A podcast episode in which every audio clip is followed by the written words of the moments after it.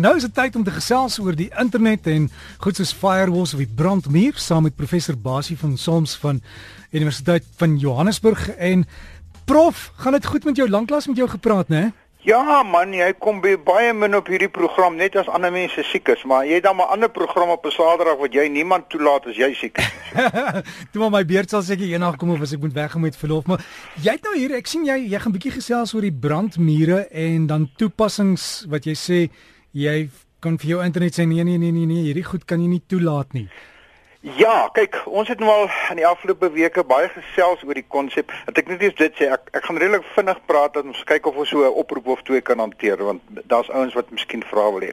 Ons het nou al heelwat aan uh, gesels oor die hele idee van 'n rekenaar en en ook van jou selfoon wat 'n wat eintlik 'n rekenaar is. En ons het gesê 'n rekenaar kan net werk as daar 'n program is. 'n Program is net eenvoudige 'n lys opdragte. Ons het gesê die rekenaar is is 'n dom stuk apparatuur of stuk hardeware as ons dit sou wil noem en hy kan net werk as daar programme is wat vir hom sê wat hy moet doen. Nou ek en jy laai hierdie programme vir ons mobiele fone en vir ons tablette ensovoorts laai ons af as sogenaamde toepassings in Engels applications of of apps. Ek hoor party mense noem dit toeps. En dit sit net nie lekker met my nie. Ek hoop ons kry 'n ander woord daarvoor, maar kom ons praat maar oor toepassings. So 'n toepassing is die programmetjie wat jy nou aflaai van een of ander programstoor soos Google of Apple se stoor en hy word dan afgelaai en op jou mobiele foon of op jou tablet gelaai en daar begin hy nou uitvoer. Hy begin nou sy dinge doen.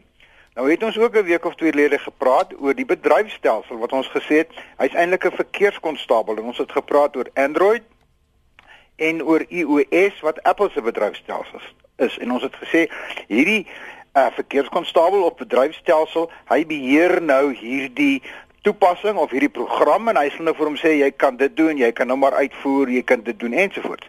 Maar baie van ons het nou al gesien dat as ons so 'n toepassing aflaai, van die internet af of van 'n toepassingsstoor af, dan sê hierdie toepassing vir jou, hoorie, ek wil die volgende regte hê. Ek wil in staat wees om jou kamera te kan gebruik. Ek wil in staat wees om by jou lys van vriende of jou lys van kontakte uit te kom. Ek wil in staat wees om jou e-pos te lees ensovoorts. En dit is regte wat die skrywer van hierdie toepassing uh, ingebou het in hierdie toepassing en die toepassing vra nou vir jou gee vir my hierdie regte anders kan ek nou nie op jou program uitvoer nie of op jou rekenaar of op jou mobiele foon uitvoer. En, en prof, jammer dat ek hier in inval, maar baie mense lees die goed nie en sê net ja. Aha, nou dis waar ek op pad is. Jy sien, eh, tot tot tot en met die huidige bedryfstelsel, kom ons sê nou maar Android, moet jy net eenvoudig sê ja, ek aanvaar, ek gee hierdie regte vir jou toepassing en jy klik en hy gee dit alles.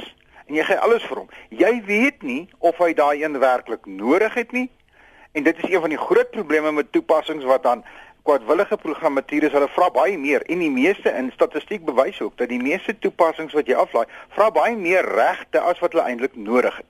Maar jy het tot op hierdie stadium baie min keuse gehad om vir hierdie toepassing te sê nee, jammer. Jy kan of vir hom sê nee, ek gee dit vir jou nie, dan gaan hy dood, dan kan hy nie werk nie. Of jy moet vir hom sê ek aanvaar alles en jy's heeltemal reg. Die meeste van ons sê ons wil so graag hierdie toepassing in die gang kry. Ons klik en ons sê ja, As jy mooi gaan lees, jy lees nie eers altyd wat se regte hy vra nie. En dit is 'n baie groot risiko. Uh die nuwere weergawe en dit gaan ons al al meer en meer begin kry, uh, werk bietjie anders. Maar nou kom ek by hierdie verkeerskonstabel van ons, hierdie hekwagter. Ag hierdie um uh verkeerskonstabel. Ha, jy kan in jou selfoon kan jy na enige toepassing wat jy afgelaai het, kan jy toe gaan en jy kan vir die verkeerskonstabel of vir die bedryfstelsel sê, "Wys vir my watter regte het hierdie program? Watter regte het ek vir hom gegee toe ek hom afgelaai het?"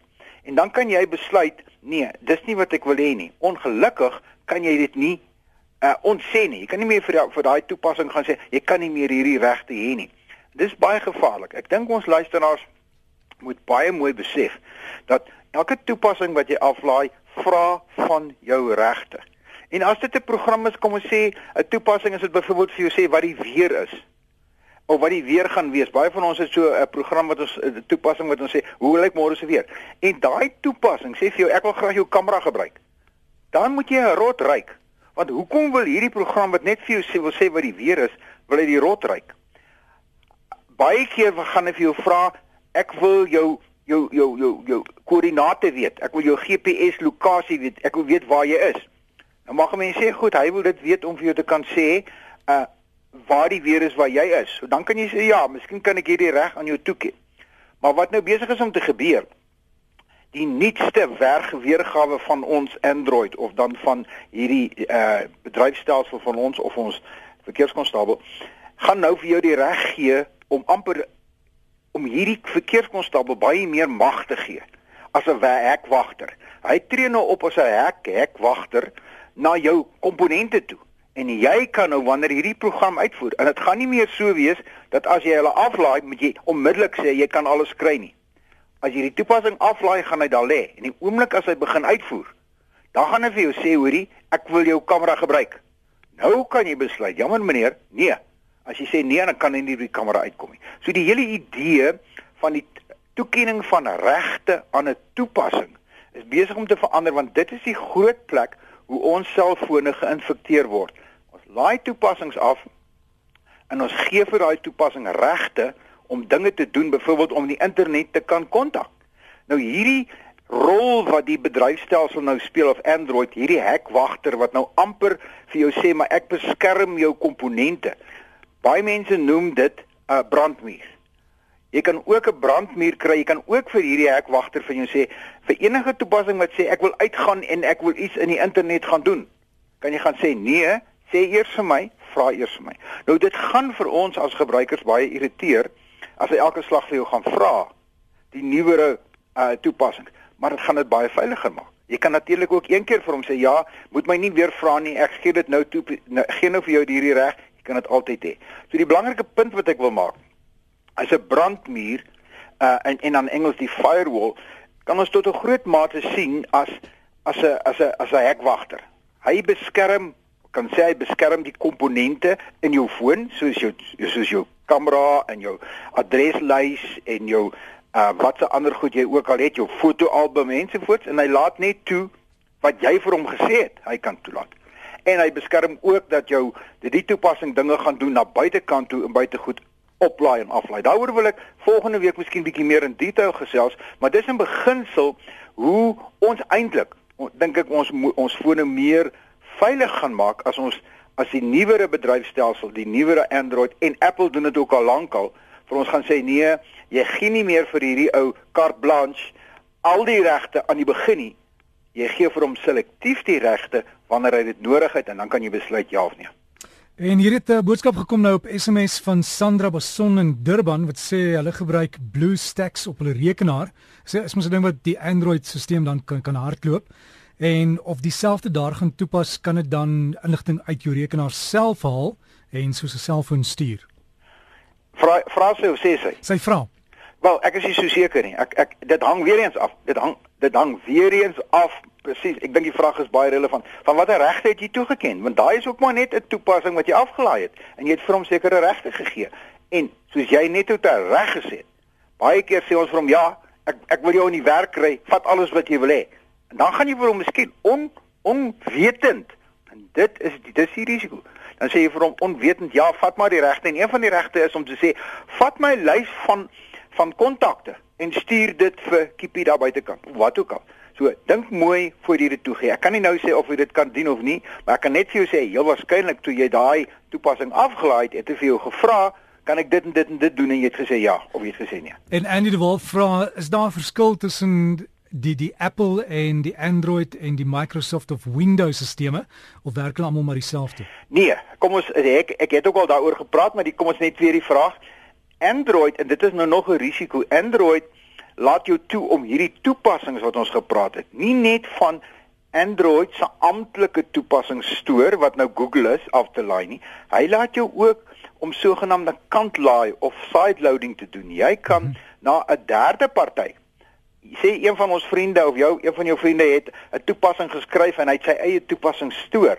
Dan laat Android laat jou toe om om daarvan te gaan aflaai. Apple sê nee. Apple sê die, jy kan net van my toepassing storas wat die Apple Store is van niemand anders aflaai nie.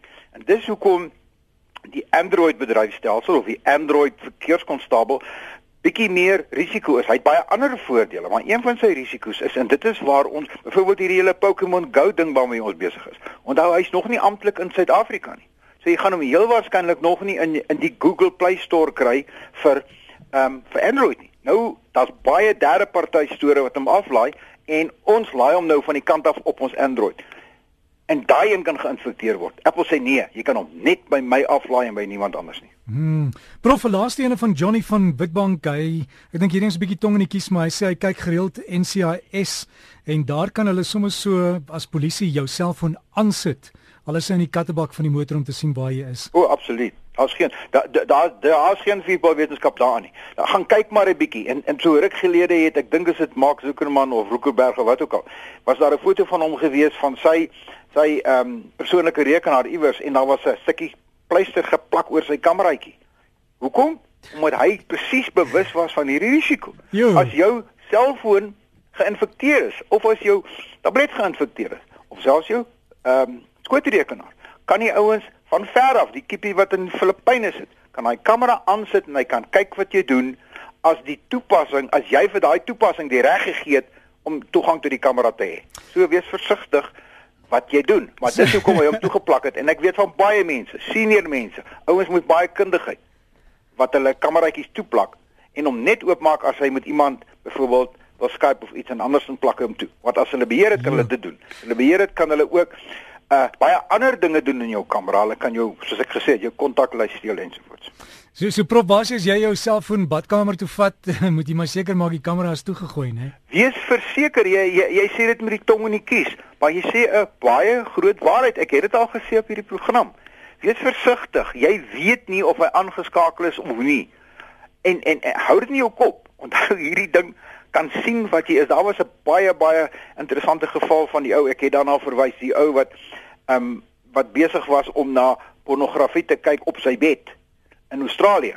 En hy het nie geweet sy kamera was aangeskakel nie en die ouens het 'n kopie gemaak van wat hy besig was om te doen en dit op die internet gaan plaas. So, ryke rot, as jy as daai toepassing vir jou vra, kan ek jou kamera gebruik. Ryke rot en vra hoekom. Ja, en sê dadelik.